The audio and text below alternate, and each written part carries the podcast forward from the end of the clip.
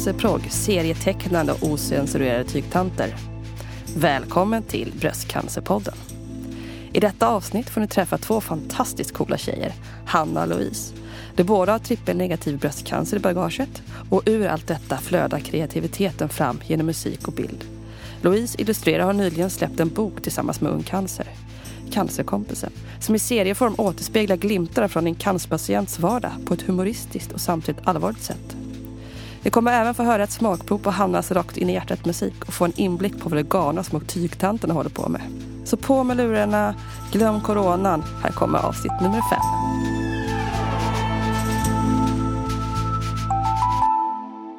Hej och välkomna till Bröstcancerpodden. Idag har vi inte bara två cancerkompisar utan fyra. Mm. Vi kör igång med faktaruta med våra gäster. Är du beredd? Ja, det går bra. Namn, Hanna Björknäs, ålder, 43. dagsform, Det är ganska bra idag faktiskt. familj, Jag har två barn och en pojkvän och två katter. bor, I Årsta. uppvuxen, I Hedemora i södra Dalarna. utbildning, Ja, jag är ju faktiskt jurist. yrke. Jag brukar säga att jag är musiker som extra knäcker som jurist.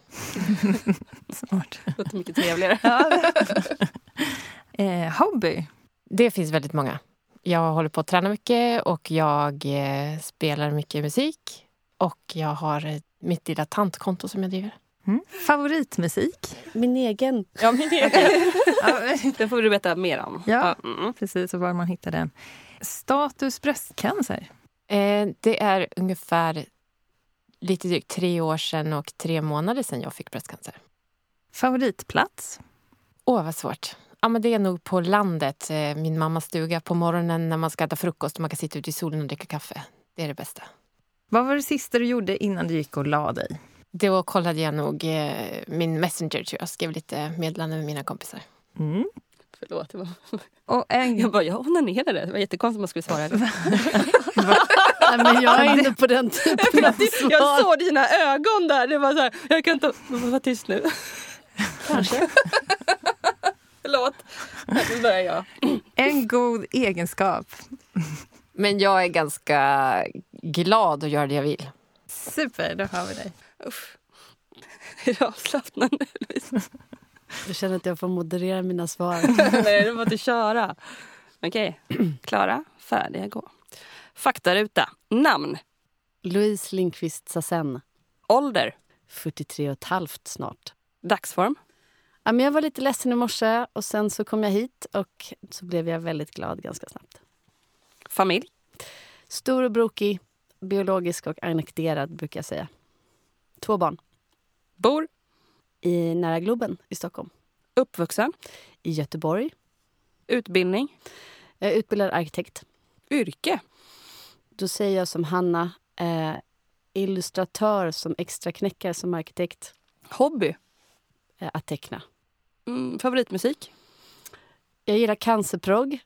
Eh, och sen så tycker jag nog väldigt mycket om eh, allt möjligt. Eh, Allt utom dansband, tror jag. Favoritplats. Eh, min killes armhåla. Gud vad gott. Mm. Ehm, status bröstcancer. Eh, komplett patologisk remission, stadie 3, trippelnegativ sedan april, 18 april 2016. Åh, Gud. Jag kan inte ens komma ihåg vilket datum. Jag vet ingenting om min cancer. Men det får du berätta mer om din, helt Mm. enkelt. Mm. Eh, favoritmat. Eh, allt och för mycket. Vad var det sista du gjorde innan du gick och la dig? Eh, ja, det finns två svar på den frågan. Jag tar den eh, off- offentliga. Jag skrev en eh, artikel till Sveriges arkitekter, är krönikör där, till deras hemsida. Och den andra får vi höra senare, efter Klas bubbel. Eh, en god egenskap. Entusiasmerande. Jag tror att jag får folk att eh, ha kul och må bra. Göra kul grejer. Perfekt. Tack. Ni har ju haft typ samma cancer, har jag förstått. Mm. Trippelnegativ. Eh, är det någon av er som skulle vilja berätta lite vad det, är, vad det är för någonting? För jag har ingen aning. Eh, ja, trippelnegativ kan man inte efterbehandla. Man måste sätta in väldigt starka cellgifter. Och de trippelnegativ innebär att det saknas hormonreceptorer, eh, som jag har förstått det, är cellens ytmembran. Det vill säga att man kan liksom inte strypa tillförseln av östrogen, progesteron eller HER2. Utan den är negativ på alla dem. Så att det är liksom, man kan inte efterbehandla med antiöstrogen eller nåt sånt. Utan det är så här, pang bom, skitstarka cellgifter och sen så hoppas man på det bästa. Mm. Louise brukar säga att vår efterbehandling består av tro, hopp och kärlek. Mm. Det är en stor del ändå, tycker jag. Mm. Men det, man kan säga så här att det är eh, statistiken om man har haft hormonell bröstcancer till exempel stadie 2 så är det överlevnad 95% ett år, överlevnad 90 fem år och trippelnegativ är överlevnad ett år, eh, 50% och överlevnad fem år 30 Så att den är väldigt, väldigt aggressiv. Men eh, forskningen går framåt och vi sitter ju här idag. Mm. Mm. Oh, jag får så rysningar. Ja, det var ja. hur, hur lång tid har det gått nu? Jag ska ha min fyraårskontroll eh, 27 februari. Mm. Men statistik är ju, alltså allting är ju relativt och allting handlar om hur man svarar på behandling. Så att den är ganska ointressant. Men när man får diagnosen så blir man lite rädd. Mm. Men hur, hur har det gått? Du har fått cellgifter. Ni har fått cellgifter båda två. Cell, cellgifter, operation och strålning. Och då strålas man, istället för att strålas 25 gånger så, så strålas man med en boost så att man strålas 33 gånger. Mm. Sammanlagt typ sju veckor. Mm. Jag slapp ju det eftersom jag opererade bort hela mitt bröst. Mm. Eh, så att jag fick bara operation, eh, fullständig borttagning av bröstet och sen så hade jag cellgifter. Mm. Men du hade inte spridning till lymfsystemet? Nej, precis. Nej. Och det hade du? Ja. Mm. Hur länge tar man cellgifter då? En gång var tredje vecka, 18 veckor. Mm. Okay. Mm. mm. Och kombinationen heter TAC.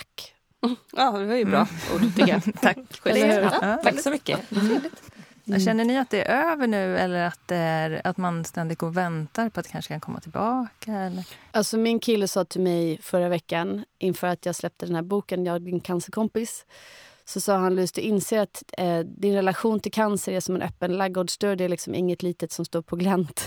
och jag bara, uh, gud vad jobbigt för dig. Men jag tror att han och jag har ganska olika um, relation till både vår cancerresa och eh, liksom, eh, mentala statusen under och efter. Så det är olika. Mm, mm. Jag tänker att man tänker på döden varje dag. Jag tänker på döden varje dag. Mm. Och så tror jag att det kommer att vara. Så mm. är det nog. Men därmed inte sagt att det gör att det är dåligt. Nej. För det är också en sätt som gör att jag tar vara på den tid jag har. Mm. mm.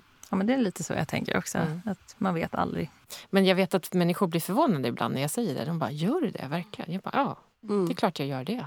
Mm. Jag brukar säga också att man någonstans blir utrustad med superpowers för att man inte är skraj för någonting. Man testar nya grejer och man känner liksom inte att man har tid att förlora. Det enda man är rädd för är cancer. Mm. Allt annat är en fys i rymden.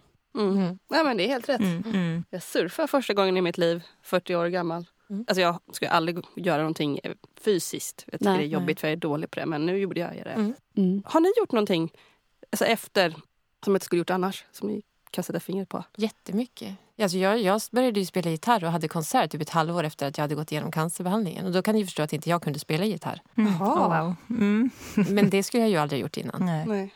Och så köpte du en svindyr gitarr? Ja, det gjorde jag. För min försäkringspengar som jag fick. Ja, helt investerade i en jättefin gitarr som jag tycker om jättemycket. Mm. eh, och jag började teckna. Startade kontot Cancerkompisen. Eh, teckna om cancer.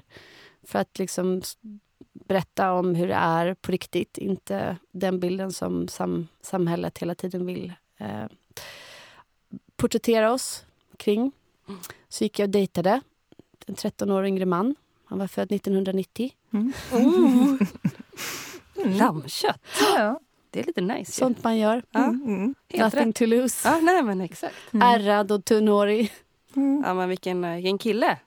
Mm. Fast jag har en bättre kille nu. Aha.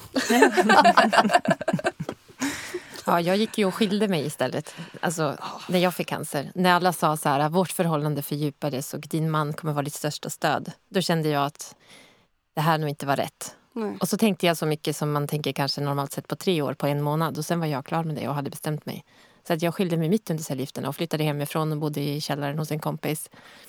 Oj. Och mm. typ någon vecka efter att jag var klar med cellgifterna så var jag ute och dejtade. Oj. Eller gick på min första dejt. Mm, mm. Utan hår, fem ögonfransar. Hur, men hur, hur kändes det?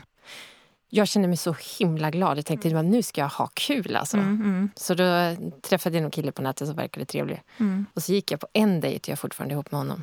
Gud, härligt. Men när, ni, när du såg han på nätet så här, eller, och så började ni snacka med varandra. Mm. Berättade du, när berättade du att du hade haft cancer? Eller gjorde du det? Ja, men alltså, jag trodde ju så här att det här kommer ta ett halvår, sen går jag på en dejt. Och sen insåg jag när vi hade pratat i en vecka så sa vi vi ses. Och då kom jag på att jag inte hade sagt att jag hade haft cancer. Mm. Jag hade Eller liksom att du var keps. skallig, tänkte Nej, jag jag. vet. Jag hade cancer keps på bilden.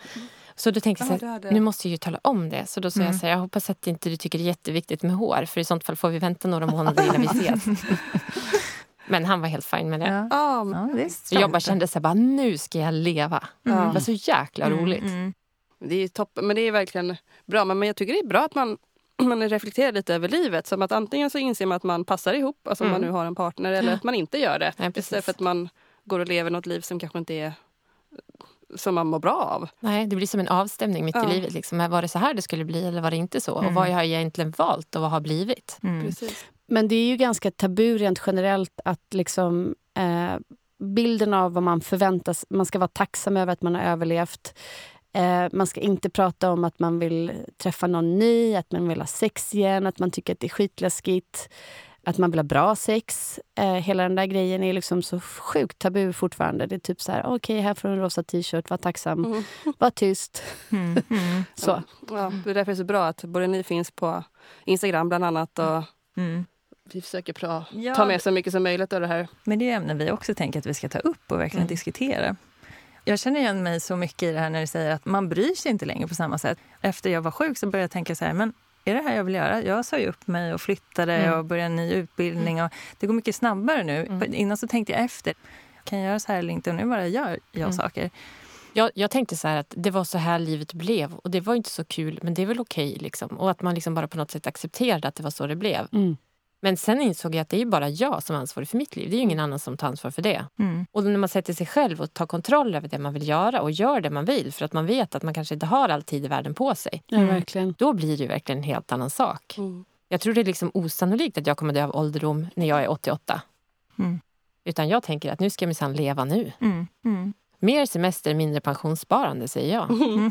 Ja, men re- relation, Nej, men det är mycket. Re- relationen till tid det är ju liksom, det är både eh, dränerande och helt fantastiskt. För att man väntar inte med att göra grejer. Å andra sidan så räcker ju liksom dygnet 24 timmar knappt till. Mm. Mm. Ni verkar vara väldigt energiska, ha mycket idéer Ja, och kreativa. Så, ja, har mycket att göra. Det. Alltså jag träffade ju Louise för att jag såg henne på nätet när hon gjorde sina teckningar. Mm. Och så skrev jag till henne och sa att jag gör samma sak som du fast jag gör det med musik. Kan inte du komma på min konsert? Så gjorde hon det. Kan, kan inte ni berätta lite Ja. vad det är ni gör Mm. ute på nätet och på Instagram? Och Ja. berätta om er dejt, första dejt. Vår såklart. första dejt? Ja. Ja. nej men, eh, jag började som sagt eh, efter jag hade dejtat den här lilla mannen som var jättesöt. ehm, som var jättekreativ. Och, ehm, då började jag... Då sa, han, så sa jag till honom så här, men jag har tänkt att börja teckna om cancer men det känns liksom, det finns nog inte någon mottagare för det. Eh, och han bara, det låter ju skitcoolt, gör det. Och så där. Och sen så um, slutade jag dejta honom och så började jag dejta den killen som är helt fantastisk som jag är ihop med. Men eh, jag startade det kontot i januari 2018. Eh, I samband också med att en annan gammal vän blev sjuk i cancer. Och mm, helt och hållet för min egen skull. Mycket för att jag ville vara en cancerkompis, en sån cancerkompis som jag saknade själv när jag blev sjuk. Jag kände ingen i min egen ålder. Eller jag kände två, men de dog. Eh, och det var ganska tungt. Eh, så då tänkte Mm. jag så att om jag kan vara en cancerkompis i cyberspace och i verkligheten till min kompis Maja då, som var sjuk, så vill jag vara det. Gick hem och tecknade min första ruta.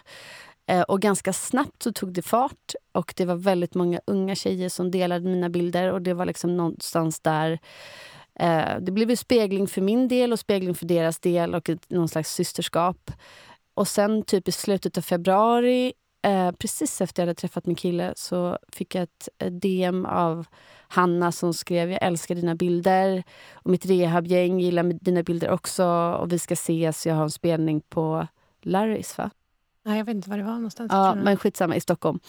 Och jag bara, okej, men då, då går jag väl på det. Och det var ju fullsatt.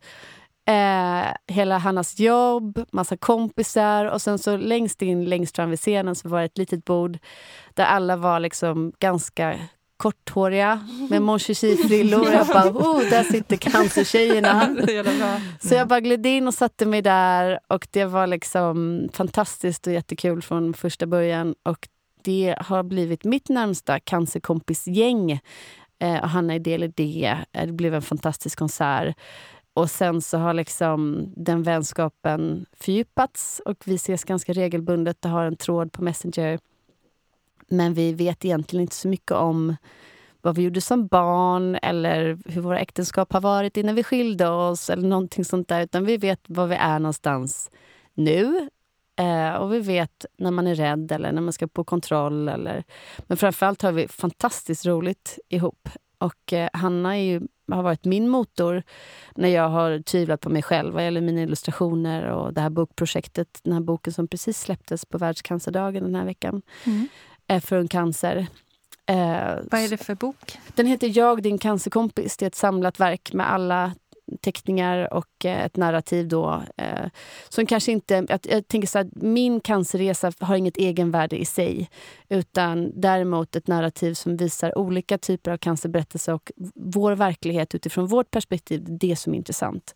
Så att man kan säga att det är som en cancerkompis. Mm. Eh, för vem som helst som är drabbad. Det kan vara en anhörig eller närstående. Olika situationer som där könshåret börjar växa liksom, innan det börjar växa på, hu på huvudet. Den typen av äh, grejer. Som ingen pratar om, men som är jätteviktigt. Och med lite ironi och lite humor. Absolut. Mm. Alltså, humorn är det som gör att man orkar med att leva efter mm. en sån här resa. tänker jag. Det är mm. det som förenar oss mycket. De är väldigt, alltså alla är så himla fina och det är, är så mycket känslor bara i en liten bild. Ja, alltså jag, ursprungligen så tänkte jag så här, men hur ska jag hinna göra det här? Jobba heltid, ha barn, alltihopa.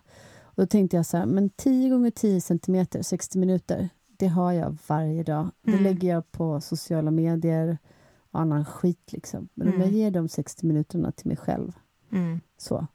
Vänta, vi måste bara stoppa. Har, har vi vridit på någonting? För, det låter konstigt, ja, eller hur? eller hur? För, ja, du har mikrofonen åt fel håll, precis. Den har snurrat. Så, och som du vrider den Aha, det är därför det ekar liksom. Ja, för du lät väldigt konstigt. Ja. Men, men, om man beskriver din bok, vad, vad hittar man i, i boken? Ja, men det är bilder från mitt eget liv, men det är också eh, illustrationer som visar händelser ur mina cancerkompisars liv. Eh, och en del eh, som har postat till mig på Instagram, på, på kontot. Eh, saker som de tycker att jag borde illustrera och så har jag känt wow, ja, men det där har jag också känt. Så då har det fallit sig väldigt naturligt mm. att teckna. Liksom. Mm. Och det är lite som en tecknad serie? Ja, det är liksom en seriebok. En, ja, mm. en seriebok med lite text som, läs, som leder läsaren framåt. Um, och den är, alltså, jag känner att det finns väldigt mycket biografier om min cancerresa. Och jag har dels inte orkat läsa så mycket när jag var under cancerbehandling själv. Och sen känt att så här, men det där är din resa, det är inte min. Utan jag har liksom velat slå an på en ton där det mer handlar om vardagssituationer som, med hög igenkänningsfaktor. Mm. Där alla, oavsett egentligen vilken cancerdiagnos man har haft, eh, kan känna igen sig. Mm. Och där som också någonstans blir tidlöst, att det inte är kopplat till en viss åldersgrupp utan jag har liksom folk som är så 80 som har skrivit till mig. Och eh, Nu senast var det en liten tjej som haft två cancerdiagnoser som är 13. Mm. Eh, så jag tror att jag har någonstans lyckats med att hitta en ton som, mm. som gäller eh, alla cancerdrabbade oavsett ålder och även för anhöriga. Mm. mm. Det är jättebra. Ja. Med jättehög igenkänning på massa olika. Alltså. Ja, vi har ju några bilder framför här. Och då är det till exempel om hårutväxt. Just det. Den här känner jag igen jättemycket. När jag fick upp första håret i en tofs. Ja, mm. eh, men den känslan vet vi ju alla. Mm. I alla fall tjejer som har haft långt hår. Ja. Att woho, man mm. får ihop en liten mm. tofs eller tofs. och det körde jag på mitt egna Instagramkonto. Att ja. först började med vet, så jävla ro, rolig bild på mig egentligen. Vet, mm. kommer jag, eller, mm. Mm man bara, åh, kolla det är massa hår. Så börjar man titta. Mm, alltså det är så tunt och brett. Och sen nästa månad, eller, då bara, det är lite mer. Ja. Så jag körde som varje månad lite till. Och det är så, Ja. så då, jag kan ha pannlugg, jag kan ha snedbena, Ja, jag kan ha hur? tuppkam. Man känner vinden i håret Mm. minns jag var liksom en sån här fantastisk känsla. Det var så här tre Mm. millimeter, millimeter kort. Man bara woho, det blåser i håret. Ja, man känner man får ju sån, alltså man tror inte att det ska kännas men Mm. det blir ju liksom Mm. Mm. känslan av hår. Mm. Men jag känner generellt att i media att det är en snuttifiering och en, eh, en projicering av en bild. Man orkar inte riktigt prata om vad cancer är på riktigt. Och då blir det liksom, man använder kändisar, det är liksom kampanjer som man inte känner igen sig i. Och det är väldigt mycket så här kämpa, kriga, hon är en Mm. krigare. Och jag har hela tiden velat liksom berätta om, ja fast så där är det faktiskt inte på riktigt. Fråga oss som har överlevt eller som lever med cancer hur det är. Eh, så så att, att skapa ett narrativ som är eh, en spegling av verkligheten som är autentisk Mm. har varit liksom mitt kall. Mm. Men det känns ju också så här att man äh, Många av dina bilder här det är ju liksom efter behandling Ja, och livet efter. För alla Ja. som när man pratar cancer tänker man bara cancer Exakt. och sen så, ja men nu är du frisk. ja Bara, man, nej det är nu det men börjar. vad händer nu? För man hinner ju inte tänka under tiden. Precis. Men jag har en sån ruta, jag har inte den framme här, men där det är konversation mellan två personer. Den ena säger så bara, ah, men du ser så, är du frisk nu? Du ser så himla fräsch ut. Och, den andra personen säger så här, frisk? Jag vet inte. Liksom. Mm. Jag- Cancerfri vad jag vet. Ja, men då är du ju typ frisk, säger den andra. Bara, ja, fast det vet jag ju faktiskt inte, säger andra då. Mm. Typ, Mm. Går du på kontroller? är ju en sån här standardfråga. Mm. Bara, ja, jag går på kontroller årsvis. Mm. Mm. Men vad händer annars då? Mm. Bara, ja, nej, men annars dör man. Typ Mm. om man får återfall. Mm. Mm. Eh, och den grejen är ju hård. Och jag tror att en del, jag tror att vi som har haft cancer kan kolla på de här bilderna och bara ho, ho, ho, vi kan känna igen oss och skratta lite liksom, Mm. för det är Mm. ganska mörk humor. Men jag tror att för de som aldrig har varit nära cancer Mm. så blir de typ så här, ska jag skratta eller gråta? Eh, Mm. det här känns jätteobehagligt, awkward. Hur Är ska det okej? Är det att man okej, skrattar? liksom? Jag brukar säga så här Mm. att det är bara vi som har haft cancer som får skoja om cancer. Mm. Ja, men det är helt, jag tror också det, man märker bara nu när vi har vår lilla podd här. Mm. Ja. Typ när man låter när anhöriga lyssna på ett avsnitt innan. Mm. Så, men ska ni verkligen säga det här? Men Ja. jag brukar också tänka så att jag Mm. tänker är mer okej för oss som har det. För vi fattar lite på Exakt. ett annat sätt. Och det är okej att skämta om någonting eget. Ja. Eller skämta men prata lite roligare om i alla fall. Men det är ju därför det är så bra att den här podden finns, tänker jag. Att ni liksom ger en röst åt sådana som faktiskt vet hur det är på riktigt. Mm. Mm. Som Mm, inte mm. är liksom stylad eller eh, tillrättalagd för att det ska vara bekvämt Mm. att För titta på den och att resten, man ja. ska känna sig så här bra att man köpte en rosa tröja eller Mm. Liksom swishade hundra spänn liksom till någon Precis. organisation. Mm. Nästa år ska jag göra ett svart bröstcancer med såna hjärta... Sån här. Ja, men jag har ett sånt, du kan Har få mig. Jag har en, en pin som är svart och så står det cancer-Gary på. Åh, låter det så. Eller hur? Jag Ja, gjorde det under rosa oktober. Jag kände bara, men cancer är inte rosa, cancer är Nej, svart. Och exakt. sen så är vi inga pantertanter, utan Nej. vi är Garys. Så Mm. jävla bra. Mm. I will Ja, give ja. you one. ska jag göra. Mm. Mm. Jättefint. Det en egen rörelse här till och Det med. blev Ja. det. Mm, mm. Många som har mejlat och frågat kan jag, var kan jag beställa en pin. Mm. Eh, så att jag får göra ny, nya till oktober igen. Svarta. Gud vad. Ja, Vad kul. Mm. jag är Mm. första beställaren där. Mm. Alltså. Mm. Mm. Jo, men om man vill ha, läsa din bok. Ja. Så Ung Cancer har gett ut boken som heter Jag din cancerkompis. Och går man in på Ung Cancers hemsida så hittar man en länk till eh, att bli medlem om man är mellan 16 och 30. Och är man över 30 så kan man anmäla sig på en lista. Mm. Då kommer man få ett eh, PM eller DM, vad man nu säger, eh, när boken till, fi- finns till försäljning. Mm. Men man kan lista sig där redan nu. Det ska man göra Så det. För jag är ju Ungcancer.se. över den här åldern. Jobbigt att vara gammal helt plötsligt. Så här. Det finns en åldersgräns där. Ung Ja. cancer. Fast vi hamnar ju mitt emellan Eller hur? Det är ju det som är grejen. Vad Mm. finns det för oss mittemellan? Mm. Eh, så. Mm. Men jag tänker att den här boken är inkluderande. De har tagit ett ganska modigt grepp att våga liksom fronta med mig som är 40 plus. Mm, Eh, så. så att jag all cred till dem. Mm. verkligen. Alltså jag kan inte sluta le. Jag sitter och bara så här. Mm. Alltså, Ja, men- kinden, men jag bara känner er... Alltså, fantastiskt skönt. Du måste veta att ni har er grupp och Mm. ni är glada och man känner... Mm. Man blir så, jag blir rörd. Jag kan nästan börja gråta. Alltså, Jag tycker det är så himla härligt. Åh, Ja, men det, jävla jag, bra! det är faktiskt eh, power. Jag Mm. känner det varje gång Eh, jag träffar alla cancerkompisar. Eh, och att eh, mina gamla vänner ibland kan tycka liksom komma så här, åh, jag, min kompis Anastasia, vår kompis Anastasia fyllde 40. Och då var det en annan tjej på det kalaset som inte har haft cancer. Och hon bara, ni verkar ha så himla kul. Det är nästan så att man önskar att man hade haft cancer. och jag bara, nej, det gör vi inte. Men ja, vi har kul. Mm, gud vad härligt. Mm. Mm. Ja, och och du då? och vad jag gör då? Jag gör ju så mycket saker. Men jag tänkte det här med, med att spela som var så himla viktigt för mig. Jag köpte min gitarr typ ett halvår, alltså den första som jag hade ett halvår innan jag fick cancer. Och lite, spelade lite grann sådär. Sen när jag fick cancer då blev jag otroligt rädd att dö. Så att jag liksom var otroligt mycket ångest och det var väldigt svart och jättejobbigt. Och det enda som kunde hjälpa mig då det var att spela gitarr. Då, när jag satt och spelade då glömde jag bort det. Mm. Helt och hållet. Och det var det enda som funkade. Jag kunde inte sova, jag kunde inte äta, jag kunde inte göra någonting men jag kunde spela gitarr. Mm. Och sen så när jag hade spelat klart, då var det som att någon hällde en hink med isvatten över huvudet på mig. Jag bara shit, det var ju så här det var. Liksom. Så det var den enda paus jag hade. Så det har liksom varit min ventil hela tiden. Och jag var ju tvungen att lära mig spela gitarr. Jag kunde ju inte mm. det. Jag har ju aldrig gjort det. Liksom. Mm. Så det är inte så att jag alltid har gjort det här. Mm. Och efter ett tag så höll jag på så började jag skriva låtar. Och det visste inte jag att jag kunde göra. Men jag har skrivit säkert hundratals låtar mm. efter det. Mm. Och jättemycket som handlar om döden, om cancer, om massa elände och skilsmässor och sådana saker. Och missfall. Och missfall. Mm. Allt som liksom händer i mitt liv skriver jag låtar om. Till, eh, både till glädje och förbannelse för de som är runt mig förstås. Mm. Eller om våra cancerkompisar som också har låtar. Eh, så det har liksom varit mitt sätt att, att bearbeta allting det är så himla fantastiskt för att man kan ha en dålig dag eller man kan vara med om någonting jobbigt och sen så får man ett litet eh, meddelande av Hanna så står det så här. Hej Louise, eh, jag tänkte på dig idag. Jag har skrivit en låt till dig.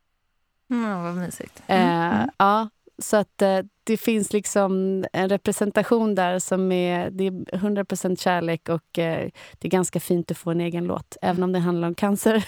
Skickar du någonting då till Ja, jag, ibland så skickar jag till mm. dem. Jag har ju några kompisar som jag alltid plågar med mina låtar. har du någonstans man kan lyssna på dem alltså, officiellt? Ja, alltså vi håller på att spela in. Ja? Eh, apropå garderob så spelar mm. vi in i ett litet sovrum, jag och min kompis Per. Så mm. vi ska släppa några låtar på Spotify oh, snart. Kul. Ja, vi har en som nästan är klar mm. faktiskt. Kul. Ja, det tar väldigt lång tid men det är roligt. Mm. Ja. Sen så, eh, en annan sak som jag gör är att jag driver mitt tantkonto. Eh, för att jag är lite allergisk mot att alla måste vara så snygga och fina hela tiden. Så att jag har ju sett tanter som liksom ser ut som tanter på riktigt. Mm. De har liksom väldigt märkliga bröst. Några har bara ett bröst och de har liksom hår under armarna. Och, ja, de ser rätt roliga ut. De sitter här i studion ja, med oss. Ja, kanske ska ta upp några och titta lite. Och jag har då en docka som är jag och jag har också gjort en av Louise. Och sen finns det en massa andra tanter och de har massa roliga egenskaper. Och i somras så började de här plötsligt prata med mig. Eh, så nu har de ett eget konto där de liksom säger en massa olämpliga saker.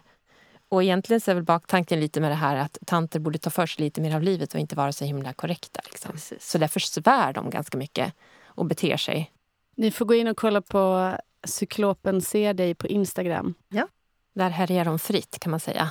Ja. Och sen så brukar de följa med mig. Så att jag, jag har ju åkt skidor nu i Idre tillsammans med två tanter på utsidan av ryggsäcken. Och så brukar jag tänka så när jag kör förbi folk. Jag undrar vad de tänker egentligen. Och de flesta säger ingenting, de tittar bara på mig. Ja. Och i somras så fjällvandrade jag med min kille i Lappland. Och då så hade jag dem också ut, på utsidan av ryggsäcken. Och ibland kunde jag se hur folk som vi mötte tittade på honom och tänkte så här. De har nog inga barn. Nej, men, men gud vad snäll han är som har tagit ut en förståndshandikappad kvinna i fjällen.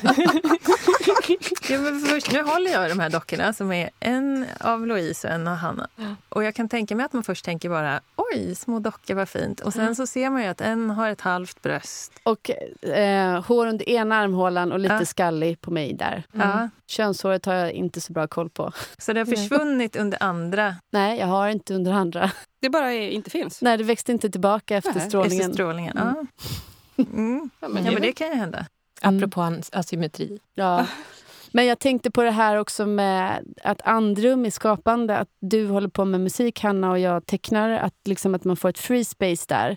Sen har ju vi liksom haft trippelnegativ och när man inte äter antiöstrogen så har man ju liksom faktiskt ett fungerande sexliv igen. Mm. Och, Grattis. eh, och det är ju så här, lite tabu att prata om, men det är ju win om man har haft trippelnegativ, träffar en ny partner som man tycker om. Så brukar vi säga så här, bara, men herregud, tänk att sex kunde vara så här jävla bra. Mm. Och jag tänker att det också är safe space. Att vara, alltså i det, att man liksom, man är helt uppe i någonting helt annat. Mm. Mm. Grymt.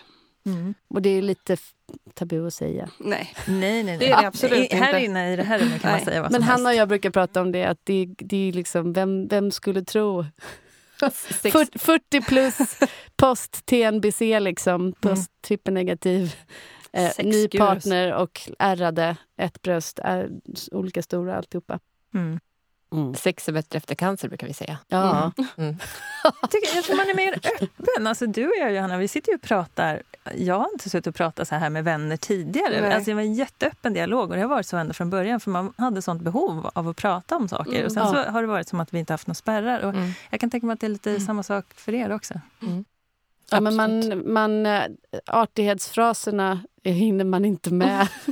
Utan man går ja, men rakt på kärnverksamheten. Tänker du på döden? Får du ligga?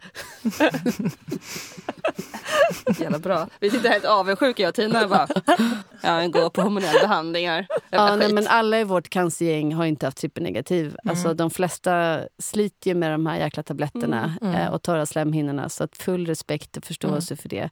Men vår kompis Anastasia, eh, hon är liksom så här, hon har en massa olika remedies. Hon har haft eh, HER2 och hormonell kombinationscancer och har liksom massa problem med slemhinnorna. Men hon är väldigt, väldigt bjussig på att berätta. Mm. Gud, om låter, vi måste ha med olika- henne hit här. Hon är helt fantastisk. Anastasia. Ja, Jag är er motsats. Jag är trippelpositiv. Då. Så Ja, jag, så du jag är allt. som en vandrande kemikalie. Jag har fått all behandling som går att få. Men jag tycker inte, alltså det har inte varit så illa för mig med alla slemhinnor. Så, där, så jag tror att det kan vara väldigt olika också. Ja. Men jag tycker att det blir värre och värre med tiden när man äter de här tamoxifen. Mm. Och jag har ingen aning vad jag har haft för cancer. Nej. Jag har aldrig läst det, papperna ordentligt. Mm. Den gjorde jag, stoppa huvudet i sanden. Mm. Jag läste min journal för första gången typ för tre veckor sedan. Mm. Jag har heller inte riktigt gjort det. Bara för att se vad det stod. Liksom. Mm. Ja, men man pallar inte. Nej. Jag tänker att liksom, det var ju hemskt. Det räcker nästan att veta det. Men man är ju olika. Jag stoppar ju bara huvudet i sanden och jag gjorde bara det läkarna sa. Ja, ge mig allt ni har, jag, bara, jag, jag gör bara som ni säger. Medan du Tina har ju varit jätteduktig på att googla och läsa olika eh, artiklar och sånt där. Så att man är ju olika och det är ändå bra att man kan få, få vara det. Det var nog inte så här att Åh, nu ska jag läsa, nu ska jag vara duktig och läsa min cancer. Det var så här, Ja, du- vad är det här? Alltså, Mm. vad, då blir jag så här manisk att jag måste ta reda på fakta. Alltså, det är lite olika hur vi fungerar. Tror men jag, det var det första jag gjorde också. Jag gick hem och googlade. Eh, och då var det liksom, så fort man fick ett litet symptom, så här, suddig blick, googla så här, cellgifter Mm. och eh, syn. Och så var det så här, Expressen, Bert-Åke 45, tappade synen av cellgifterna. Mm. Och man bara, okej, jag kanske inte skulle ha läst det där. Nej. Nej. Nej. Men allt- också till så här, optiken efteråt. Jag bara, har det blivit sämre eller har det blivit bättre? Men Ja. det, det var stabilt. då. Men man kan ju inbilla sig saker också. Mm. Men allt man googlar på hamnar man ju ändå på cancer. Så att, Det finns en Facebookgrupp för vår typ av cancer och den är ganska deppig. läste jag ett tag men det går inte för där dör de ju. Ja. Alltså Ja. där dör ju folk hela tiden Ja, och men det är det är väldigt typ tragiskt. 200 pers och det är mycket, ja, det är mycket sånt. Och det är klart att det är de som mår sämst som är kvar i gruppen Mm. för att de behöver ju det stödet. mm. Eh, Mm. Men det går inte riktigt då. Och Mm. man kan inte fokusera på det hela tiden heller. Nej, nej. Men det är liksom realiteten någonstans, tänker jag. Det är det, apropå varför vi håller på med vårt tecknande och vår musik, att det är liksom vårt sätt att relatera till det hela. Mm. Sen krävs det ju att de som är runt omkring står ut med oss Mm. också. Men det gör de, för att vi är så himla härliga. Mm. Jäkla bra. Men, er cancer, de lyckas operera bort cancern och sen fick ni efterbehandling som var för säkerhets skull, även om man inte riktigt visste Mm. om det skulle svara. Kunde man kolla det här på något vis? Att, eh, Det, det, Det som man gör när man sätter in eh, cellgifter neoadjuvant, tror jag att det heter, innan operation, är ju att man kan se om eh, tumören eh, krymper. så du fick innan? Så, ja, de flesta som får trippelnegativ, man har sett att det finns en högre prevalens, heter det Ö- Överlevnadsstatistiken är bättre om man sätter in cellgifterna innan operation. Mm. Och det är också för att man, liksom, om det är spritt till lymfsystemet så måste man bromsa det där med en gång. Eh, och då är det ju egentligen så att en tredjedel av patienterna svarar på cellgifterna fullt ut. Eh, och har man då fått komplett patologisk remission, det vill säga att när man opereras att, hela, att man ser att hela tumören har försvunnit och hela det som var i lymfsystemet har försvunnit. Då har man plötsligt en mycket bättre eh, mm. statistik. Eh, och det är därför man sätter in så tungt artilleri och sätter in det innan operation. Mm. Så var det inte för mig då. Alltså jag var på min första mammografi. Jag fyllde 40 i september. Och Då var jag på min första mammografi och i november så kände jag en knall i bröstet. Det var så mindre än två månader. Typ de växer efteråt. så sjukt snabbt. Mm. Ja. Mm. Och, då, och då så var den en och en halv centimeter. Och jag fick göra operationen först. Jag tror att det var för att den var ganska liten. Och inte spritt till lymfsystemet. Precis, men ändå liksom att en cancer kan växa till en och en halv centimeter på mindre än två månader. Ja, det, är liksom, det säger någonting mm. om hastigheten. Det är mm. därför jag tänker så att om den kommer tillbaka då dör man ju på en gång. Liksom. Mm. Alltså det är det som är skillnaden på trippelnegativ eh, hormonell cancer som drabbar någon som är 65, då kan det vara så här, när man tittar på tumörområdet så kan det vara till exempel 3-10% av cellerna som är tumörceller som håller på att aktivt dela sig. Medan jag vet att i mitt tumörområde så var det 70% av cellerna som var aktiva och delade sig. Um, och det är ju liksom, det, är det som gör att trippelnegativ mm. Eh, betecknas som en väldigt aggressiv cancerform och mm. den liksom växer snabbt. Mm. Jag tror det är svårt att upptäcka också mammografi. Också. Ja, det, men som jag inte hade någon cancer i september, mm. men mm. en och en halv centimeter i november. Mm. Då får man ju bara ha tur om man råkar pricka det när man har mammografi. Utan då gäller det att känna själv. Mm. Jag hade ju så små bröst så det var inget problem att känna för mig. Jag kände ju det när jag duschade en dag. Mm. Mm. Men för min del, jag var ju 39 och jag hade inte blivit kallad på någon mammografi. Eh, och jag fick en klump som växte också jättefort då och ringde och sa att eh, jag har någonting som växer typ och det gör ont. Och de bara, haha, cancer gör inte ont. Eh, du får en tid om tre veckor. Men gud. Eh, så, och, och, och det är säkert, de sa, det är säkert mjölkkört eller ett granulom eller någonting annat. Så jag gick till eh, bröstcentrum på SÖS ensam. Eh, men när, när de hade gjort eh, ultraljud och sen sa att jag behövde göra en... Eh, först mammografi och sen sa att de, att de behövde göra ett ultraljud och en biopsi. Och jag såg läkarens ansikte. Då kunde jag nästan ingenting om cancer. Men jag tänkte så här, ja, men en, en ehm, eh, godartad tumör eh, ger inga dottertumörer det här är nog inte så bra. Det var fredagen den 13 november 2015. Samma dag som det var Bataclan-attacken i Paris. Mm. Eh, apropå att komma ihåg datum. Mm. Um, mm. Men, eh, och då gick jag hem och så sa jag till barnen bara jag tror att jag har cancer. Det var liksom ridå någonstans. Mm. och jag var ganska nyskild eh, och väldigt, väldigt slutkörd från att ha haft barnen på heltid ett år. Hur reagerade dina barn på det?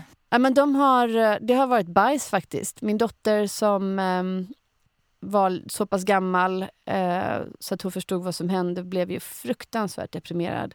Hur gamla är Nu är de 11 och 8 men då var de eh, 6 och 3. Mm. Eh, och det som jag tänker att man glömmer att lyfta i vården är ju att de anhöriga behöver också stöd. Mm, mm. Eh, och eh, hon blev jättedeprimerad och sen när jag eh, var färdigbehandlad och mådde bättre så eh, då kom hennes posttraumatiska reaktion med självskadebeteende. Mm. Och det var helt fruktansvärt att sitta på BUP och höra liksom hur de dels ifrågasatte mig som förälder men att hon också då satt och sa Eh, att mamma, det känns som att det var ditt, mitt fel att du och pappa skilde sig och att du fick cancer. Mm. Och då liksom skar hon upp ena armen. Mm. Eh, och hon var nio år då. Mm. Eh, det var ganska tufft. Eh, och, och det pratar vi inte heller om. Eh, vi pratar inte om de anhörigas psykiska mm, ohälsa mm. eller mm. Eh, respektives posttraumatiska syndrom och sådär. Och det är också en hjärtefråga hos mig. Vi måste börja prata om det. Mm. Eh, för det är, det är de runt omkring oss, brukar jag säga, som krigar. Mm. Vi är inga krigare. Vi är liksom bara mm, mm. underordnade någon slags nationellt vårdprogram och gör det man säger till oss. Ja, men det är jätteviktigt verkligen. Vi tänker att vi ska ta hit lite anhöriga och intervjua mm. så man får det från den synvinkeln också. De måste stå upp och vara så himla starka mm. hela mm. tiden. Eller enligt någon norm. Att de måste hela tiden. Mm. Det är vi mm. som är sjuka, vi som är svaga. Men, men alla orkar ju inte det heller. Nej. Det är ju liksom, som min mamma pallade inte riktigt med att jag var sjuk. Hon, hon ringde till mig och grät och jag kunde liksom inte trösta henne Nej. hela tiden heller. Om någon säger så det är så synd om dig. Det går ju inte. Så vi fick ju lov att liksom låta bli prata med varandra under ett tag. För att jag orkade inte och hon orkade inte. Och sen så kom vi tillbaka sen när jag var klar. Men det var liksom inte hon som var mitt stöd utan det var faktiskt två kollegor som, som bar mig hela vägen och som mm. pratade med mig på Messenger dygnet runt och följde med på behandlingar och sådär. Mm. Så det var de som ställde upp. Och det är också sådär som man inte riktigt vet. Mm. Vem är det som kommer att vara ens, ens mm. mesta stöd? Liksom? Särskilt som jag som lämnade min familj då mitt i alltihopa. Mm då var det jobbet. Så jag var på jobbet och de tog hand om mig. Och Det var så jäkla skönt att kunna ha det kvar. Mm. Inte för att jag var så värst effektiv, men jag jobbade alltid. Och så fikade jag och så tog de hand om mig. Och sen så fick jag lite cellgifter och så ropade de i korridoren. Hanna, ät dina kortisontabletter. Så gjorde jag det. 16 stycken Betapred. Ja, jag åt 50 stycken. Aha, okay. Nej, men det var ju, en burk räckte ju inte. Man fick ju typ käka ja, så 110 tabletter i tre dagar. Ja, jag vet. Det var helt fruktansvärt. Förra avsnittet så snackade vi om eh, Ja, just cellgifter. Ja, ja, exakt. Jag bara 16, så jävla många. Mm. Ja, men, nej. men jag har för mig att det faktiskt var fler och så minskade det sen för varje ja, men det dag. Det stod ju det på mitt papper. Mm, mm. mm. Ja, nej, jag, jag, jag, tror att, jag tror att det var 110 många. tabletter på tre dagar. Ja, en burk räckte inte. Det var typ så 100 tabletter i en burk. Ja. Mm. Uh, inte konstigt att man mådde lite märkligt. Nej, men man, liksom. var, man blev helt psycho. ja. Mm. Men, men du hade också barn ja, när du blev sjuk. Hur gick det? Jo, men alltså, då var de då 11 och 14, tror jag. Um, och det är klart, eftersom jag också uh, skilde mig precis under den här perioden. Vi flyttade och vi sålde huset och det var väldigt mycket som pågick så blev ju det jättetraumatiskt för dem. Men min son fick jättemycket stöd av kuratorn i skolan faktiskt. Så mm. han, han valde att prata med henne en gång i veckan tror jag. Och det var jättebra. Och det hjälpte honom igenom det. Och min dotter hon ville inte prata om det överhuvudtaget. Hon ville inte att någon kompis skulle veta att jag hade varit sjuk. Mm. Eller att jag var sjuk. Mm. Så hon ville liksom inte att jag talade om det för någon. Och jag har varit jätteöppen på Facebook hela tiden. Jag gick ut och sa att jag har cancer och jag vill att ni ska veta det här. Och det var ett sätt för mig för att då mådde jag bättre. Mm. Men så var det inte för henne. Hon tyckte att det var jättejobbigt. Men det där är ju så olika. Jag var ju nyskild eh, och jag skämdes när jag fick min diagnos. Jag kände så att jag hade misslyckats som, som, som mamma, som kvinna med mitt äktenskap och nu liksom var det också min kropp och mitt hår och alltihopa. Så jag blev jätte, jätte deprimerad. Eh, och om man i liksom ett normalt fall är så förälder 75% och tar 25% space hemma så fick mina barn samsas om 25% och min depression och liksom eh, bitvis liksom, eh, önskan att faktiskt ta livet av mig eh, fick de ju liksom axla, dela mm. på 25% Nu är det tack och lov tillbaka till eh, liksom så som det ska vara. Men jag var jätte, jätte deprimerad och jag var inte på sociala medier mm. då. Eh, på ett halvår. Och det var så en del mer perifera vänner fattade att jag var sjuk. De mm. bara, du har inte postat på Facebook på ett halvår. Liksom, hur mm. läget? Mm. Eh, men eh, mm, nu har jag ju då 4 520 följare. wow. mm. och, och eh, mm. cancerkompisen finns på 300, eller 300, tre olika språk, inte 300. Mm. Eh, men så att nu har ju det där svängt också. Men, ja. Var öppen med det. Men kunde vården erbjuda dig någon hjälp och prata med någon under den här perioden? När du Nej, men jag, alltså jag, fick, eh, jag hade en äh, jättecool kurator initialt men hon som blev mitt ankare var... Jag fick netropenfeber med så kritisk organsvikt och låg inlagd på isolering en vecka. Äh, och Det var egentligen första gången som äh, jag fick träffa en psykiater. För, för Södersjukhuset hade ingen psykiater då. Jag brukar säga att, att eh, hjärnan tar, slukar 25% av vår energi men eh, man tar väldigt lite hand om den under eh, en cancerbehandling mm. och cancer, efter man har fått en, en cancerdiagnos. Eh, då satte man in psykofarmaka. Eh, och det var första gången jag sov, tror jag, på tre och en halv månad. Eh, och eh, Han kom in och hade så här kurbitskor och så sa han så här, mm. ja, det står här att du vårdas kurativt. Hur vore det om du också började tänka det? Eh, och då tänkte jag, shit, det står inte palliativt, det står att jag behandlas kurativt. Det betyder att de tänker att jag ska bli frisk. Och det tillsammans med psykofarmakan, som jag fortfarande knaprar på, hjälpte mig. Men då träffade jag i alla fall en helt fantastisk eh, kurator. Mm. Eh, som också är skitbra på mindfulness. Eh, som jag träffar fortfarande när jag behöver. Mm. Men det är fyra år sedan. Men det har varit viktigt att hålla i henne för att hon har sett mig skallig och avmagrad. Och hon har varit med på hela resan tillbaka. Det är liksom någonting ganska speciellt vi delar. Mm. Eh, och jag är extremt tacksam för det. Men jag behövde få feber för att det skulle bli så. Mm. Ja. För mig var det lite annorlunda. För att eftersom jag gjorde precis tvärt vad alla sa. Alltså jag framtvingade att jag fick operera bort hela mitt bröst. Det skulle jag absolut inte få. Jag vägrade ha peruk. Jag eh, vägrade operera in i protes fastän min läkare sa att om inte jag opererade in i protes på en gång skulle inte jag vara någon kvinna att räkna med. Och det var det dummaste jag hört. Så jag fick liksom utkämpa värsta striden där mitt i alltihopa. Mm. Och verkligen stå på mig. Och sen så när jag bestämde mig för att skilja mig så sa människor så här att man ska inte fatta sådana beslut när man är i kris. Det här kan du absolut inte göra. Du är liksom inte riktigt riktig. Och min man trodde att jag hade blivit knäpp av cellgifterna på riktigt. Frågade min onkolog om det kunde ha något att göra med det. Liksom. Så att jag kände mig som att jag var i krig. Mm. Och jag var helt säker på vad jag ville och vad jag skulle. Och jag har aldrig varit så klar hela mitt liv på vad jag skulle göra och vad jag mm. ville. Mm. Men du är lite coolare än alla andra, Hanna. Så jag bara körde som en ångvält genom allt detta. Liksom. Så jag gick bara till kuratorn och frågade så här, tycker du också att jag är dum i huvudet? Och hon bara, nej du låter ju helt genomtänkt. Och då kände jag, nu behöver inte jag ha dig mer. bye bye. Man kan ju ändå lägga in silikon efteråt och så om man vill också. Alltså det, ja, man får hon är så jävla snygg naken. Ja. Alltså, ja. när, när, vi bastade på mitt landställe på Ystad mm. i somras så tänkte jag så här, det där är ju faktiskt Foxy på riktigt. Mm. Den här liksom ärret och asymmetrin mm. gör ju att det blir lite pikant. Mm. mm. Men du har vad har du nu? Har du bh med någonting ja, i? Alltså jag har ju så små bröst då från början så det finns ju inte ens bröstproteser i min storlek. Så när jag skulle prova ut det så fick hon liksom ta fram en storlek en halv och den var ändå för stor.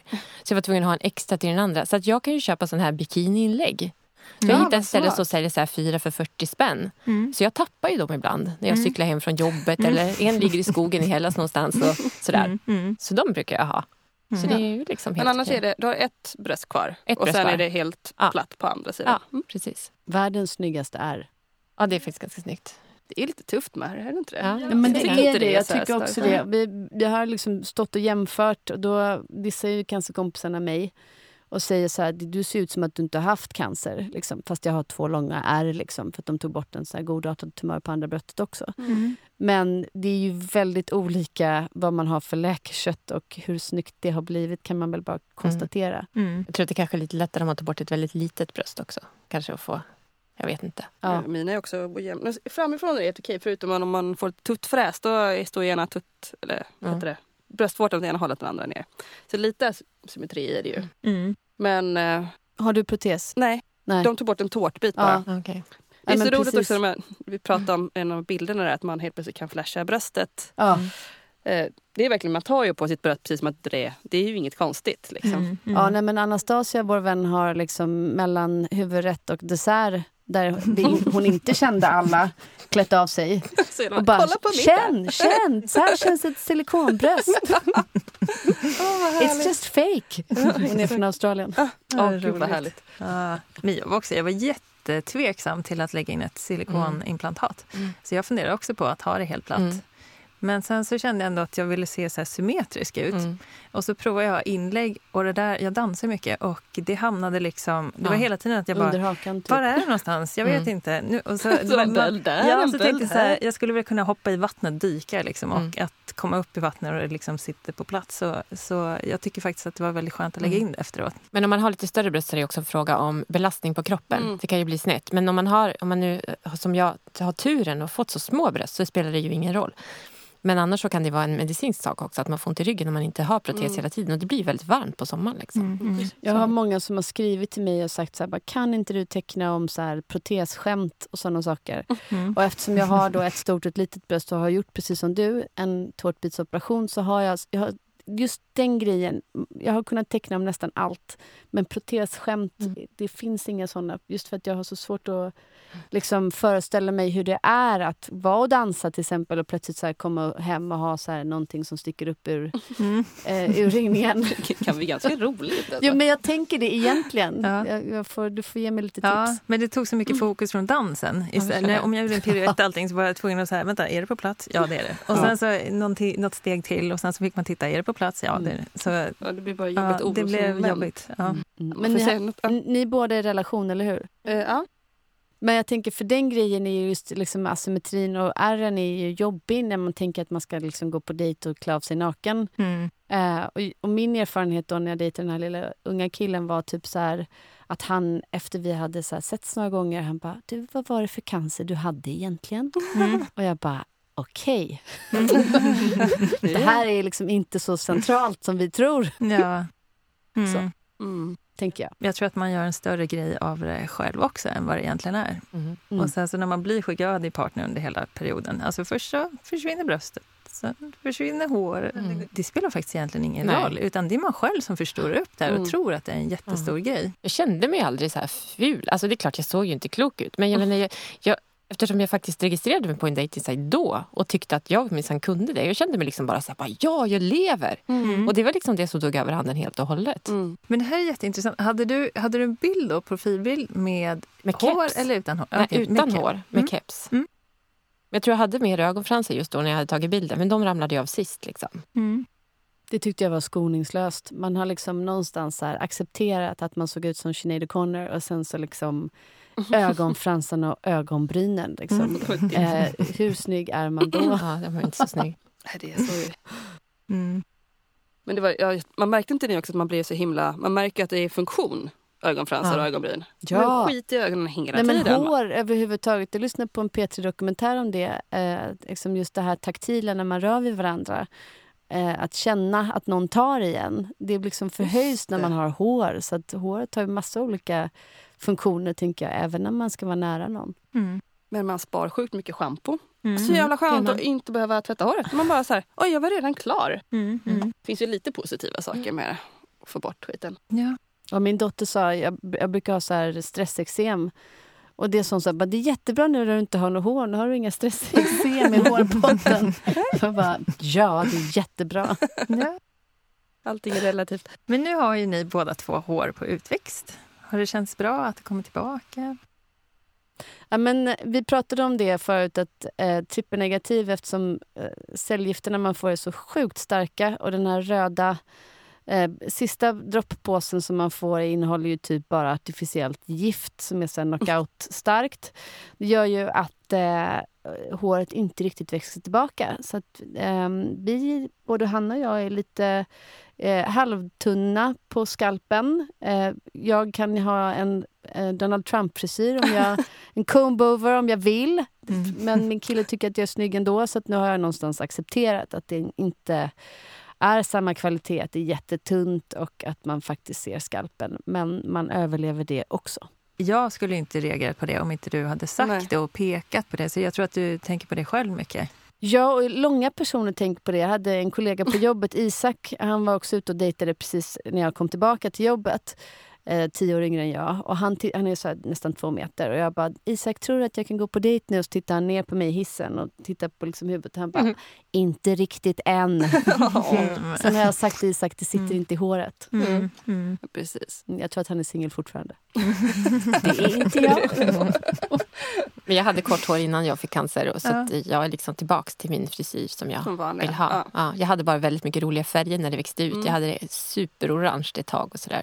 Ganska är du rädd för färger nu? Eller nej, gud, nej, jag färgade. Kan man ja, göra, liksom. Jag blev ganska mycket mer gråhårig så just nu färgar jag faktiskt.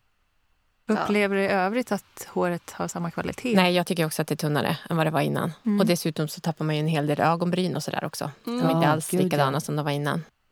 Nej. Ögonfransarna tror jag återhämtar sig ganska bra faktiskt. Ja, det, samma här. Ni är ju båda väldigt kreativa och har tagit den här cancerresan och gjort något positivt av den. Verkligen. Mm. Hur skulle du beskriva din musik?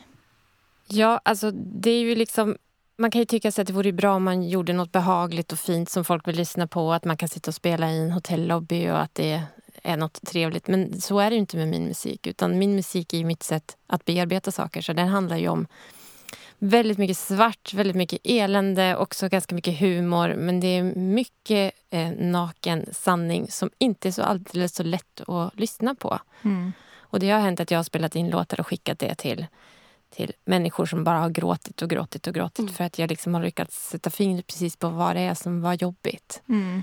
Och det är inte så behagligt att lyssna på. Nej. Så det är ingen lättsam hissmusik det har blivit. Är det tröst eller är det mera att det är Ja, men alltså- upplysande? Nej, men det är ju ett läckage av det som finns inuti Mm. kan man säga. Mm. När jag hade konsert sist så hade jag sa att det är misär som det handlar om. Mm. Jag tror att han som hade lokalen var lite chockad. Han sa Mm. att hon sjöng bara om cancer och elände hela tiden. Ja. Men det är ju det det blir och man skapar ju det som finns inuti och det är det som måste komma ut hos mig och då blir det såna låtar. Jag kan tänka mig att det måste vara lite som, jag har inte jag hört någon låt än, men att det kan ändå vara lite förlösande alltså för mig själv. Att, alltså, om jag börjar gråta och känna igen mig, att men det är ändå skönt att veta att någon annan också Mm. får ut det på något vis.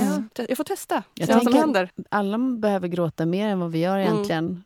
Peta på oss lite mer. Ja.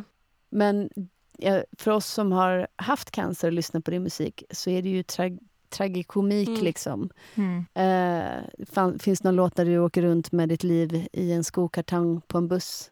Eh, liksom, vem kan inte relatera till att ha förpackat sig själv och reducerat sig själv till en liten skokartong? Liksom? Mm.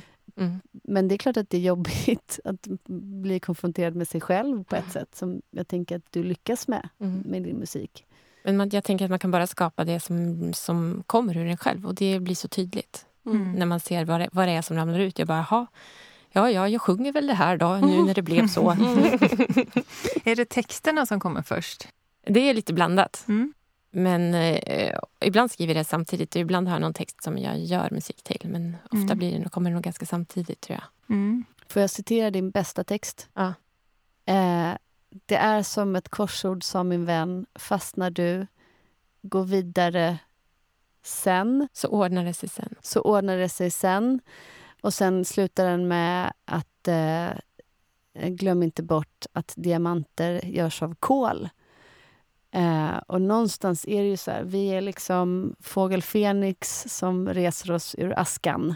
Mm. Och shit vilka diamanter cancerkompisarna har Alltså, jag blivit. ryser. Eller hur? Nej, men jag tycker det. Mm. Så är det. Och det är en sån här boost-sång när man är liksom Mm. riktigt nere. För det här går ju upp och ner. Det är ju inte alls så att man mår toppen. Liksom. Men att vi har ändå blivit starkare. Så är det ju. Om man lyssnar på det här programmet och känner så här, åh, vad jag skulle vilja lyssna på den musiken. Finns det någonstans man kan lyssna på det här? Vi håller på att spela in, så Mm. det kommer så småningom. Eh, och jag kommer att lägga ut det sen på eh, Instagram på mitt konto Cyklopen ser dig Mm. förstås. Mm. Tanterna är de största supporterna såklart. Ja, Mm. är så fina. Jag har två här i mitt knä här. Jag har ju Det lovat att göra en uh, gitarr i rätt skala. Ja, jag Nu- väntar fortfarande Ja, på den här gitarren. Mm. Ska man kunna spela på den också? Nej, det behövs inte. Skönt, tack. Och om man vill följa dig så går man alltså in på Cyklopen ser dig. Där finns jag och tanterna. Mm. Jag vet inte, vi vi skulle ju kunna, om ni vill så kan man ju köra den där låten. Alltså, Ja, så vi hör den via... I programmet? Ja. Eller? Ska vi spela lite här då? Kan vi kommentera lite på den också? Ja, ja, jättekul! Ja, för då kan jag klippa in den med bättre kvalitet sen då. Mm. Mm. Jag sätter på den på telefonen bara. Typ, det där var ju deppigt. Det här var ju Bara helt tyst. Ja, vi får se. Jättespännande. Nu ska vi se om vi hör något.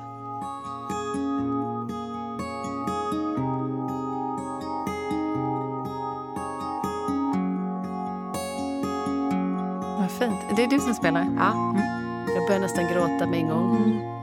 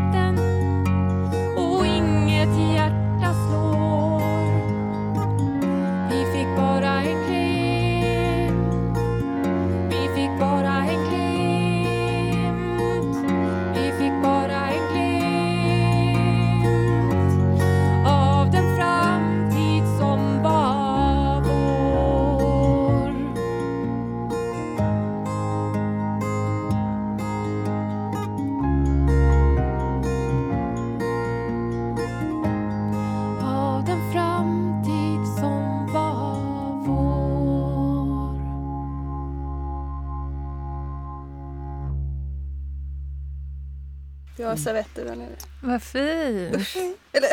Ja. Och sen samtidigt så här, vara naket och vara modigt för att det är ju jättejobbigt att skriva en personlig text. Det är ju jättestarkt av dig att gå ut så öppet med det. Men det är det som läcker ur mig. Så det, jag liksom har någon slags behov av att få ur mig det och då Ja, blir det men- musik av det. Så himla bra. Mm. Men det är mycket som, man blir ledsen. Eller jag tänker ju just med barnen och allt det där. Mm. Som vi ska ha ett avsnitt. Vi Ja. har ju inga barn. Nej. Nej, men det är ju och inga äggstockar skitcentralt. heller, Nej, men jag tänker liksom, och flera av våra yngre cancerkompisar de som var med Precis. när min bok släpptes Mm. så var det två stycken unga tjejer som har delat mina bilder jättemycket. Alexandra Saga och eh, Malin Sundqvist. De har konton som heter Alexandra Saga och Journalarkivet. Journalarkivet är sjukt cool. Mhm.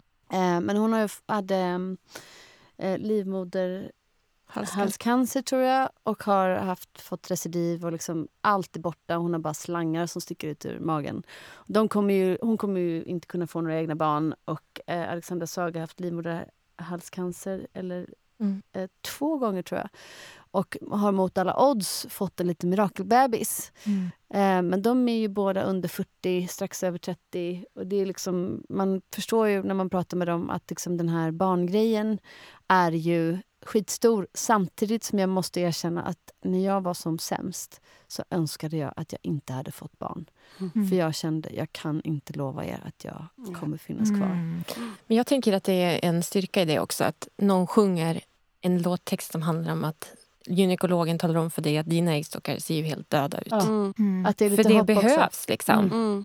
För det är också en verklighet för jättemånga av oss som Ja. går igenom detta. Att Mm. man kastas rakt in i klimakteriet. Mm. Fast man inte alls är redo för det. Och det blir ju helt chockartat. Men vi får bara fråga om klimakteriet. Är ni båda två i klimakteriet? Eller har ni fått tillbaka mens? Eller hur? Jag har fått tillbaka mensen.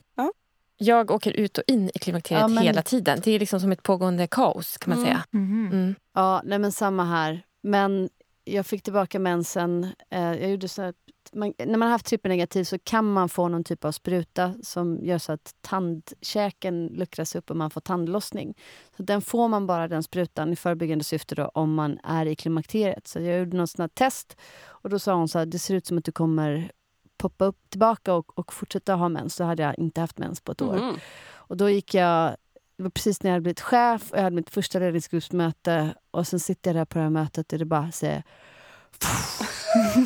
och jag bara, uh, vad händer nu? Rann liksom? till lite ja, där. Precis, och då gick jag ut på toaletten, gick in och sen så var det liksom som att man hade fått missfall. Liksom. Jaha, det typ bara- ett års mens som ramlade Ja, ut. nej, men det var ungefär så ackumulerad mens. Liksom. Och jag bara, okej vad gör jag? Ska jag ta på mig mina träningsbrallor och gå in och sätta mig med kavaj och blus och bara låtsas som det regnar? Eller vad gör jag? Liksom?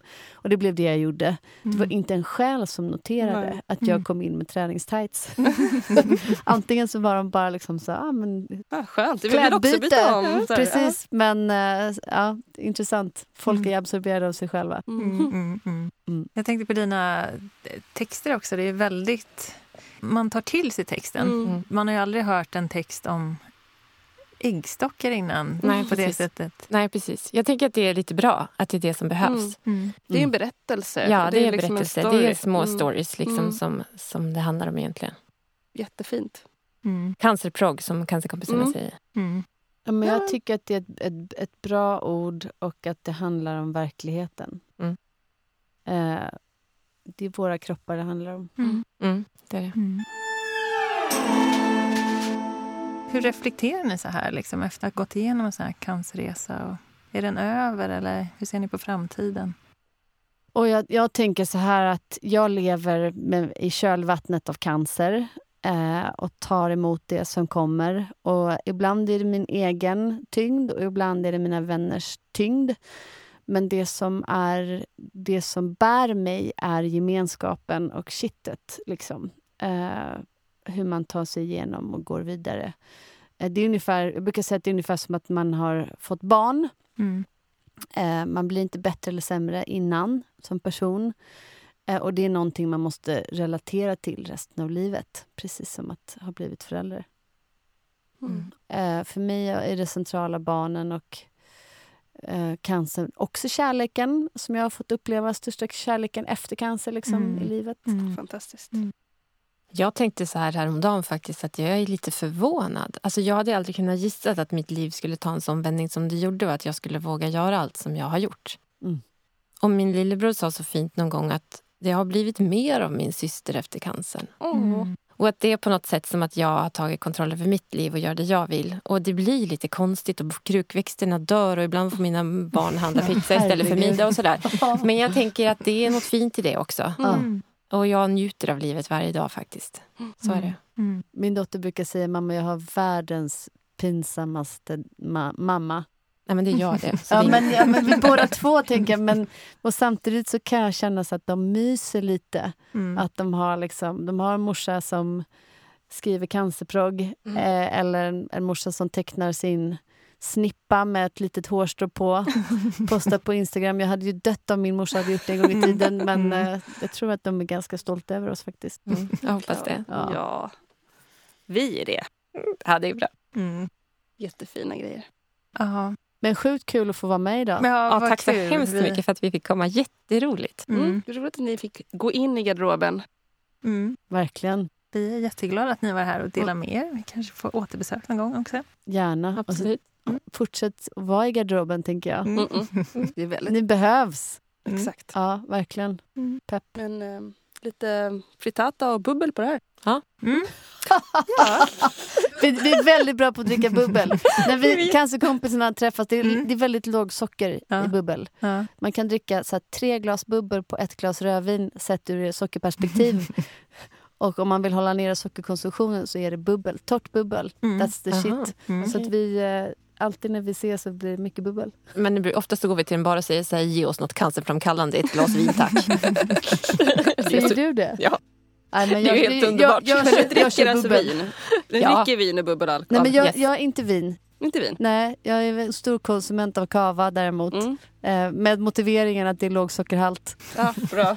Ser du? Jag har alltid trott att jag var den enda som typ dricker alkohol fast jag har haft cancer. Nej, jag, jag dricker alkohol också. Jag dricker öl också. Jag dricker öl och Jag ska bjuda hem er på vin. Jag middag. älskar er jättemycket. Det finns de som inte dricker alkohol. Nej, men det Eh, är... det är jättebra. Men Det finns de som gör det. Mm. Det är också jättekul. Alla är välkomna.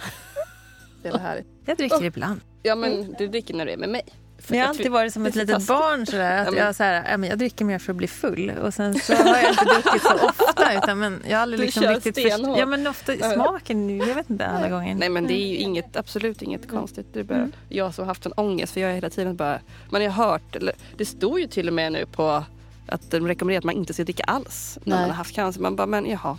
Men det är så mycket man inte ska Ja, göra. ju och det göra är någonting. livsfarligt att leva. Så att det spelar faktiskt ingen roll. Nej, så jag har lagt bli ner. påkörd här Men utanför. Jag har faktiskt en ruta om det där. Tre stycken tjejer som sitter på en bar och så säger de så här, men gud, ät inte rött kött, drick inte alkohol, Mm. du tränar väl regelbundet.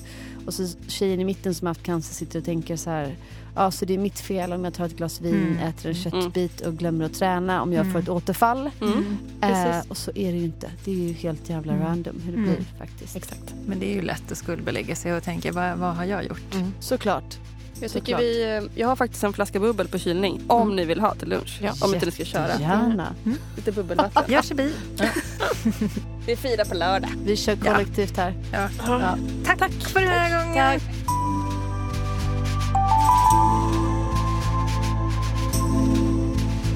Men vi tackar Hanna-Louise för dagens avsnitt. Så härligt att få träffa de här två sprudlande energiknipporna. Om ni vill läsa mer eller se mer från Hanna-Louise så finns de på Instagram. Där kan ni följa dem på Cancerkompisen eller Cyklopen ser dig. Ta hand om varandra. Puss och kram!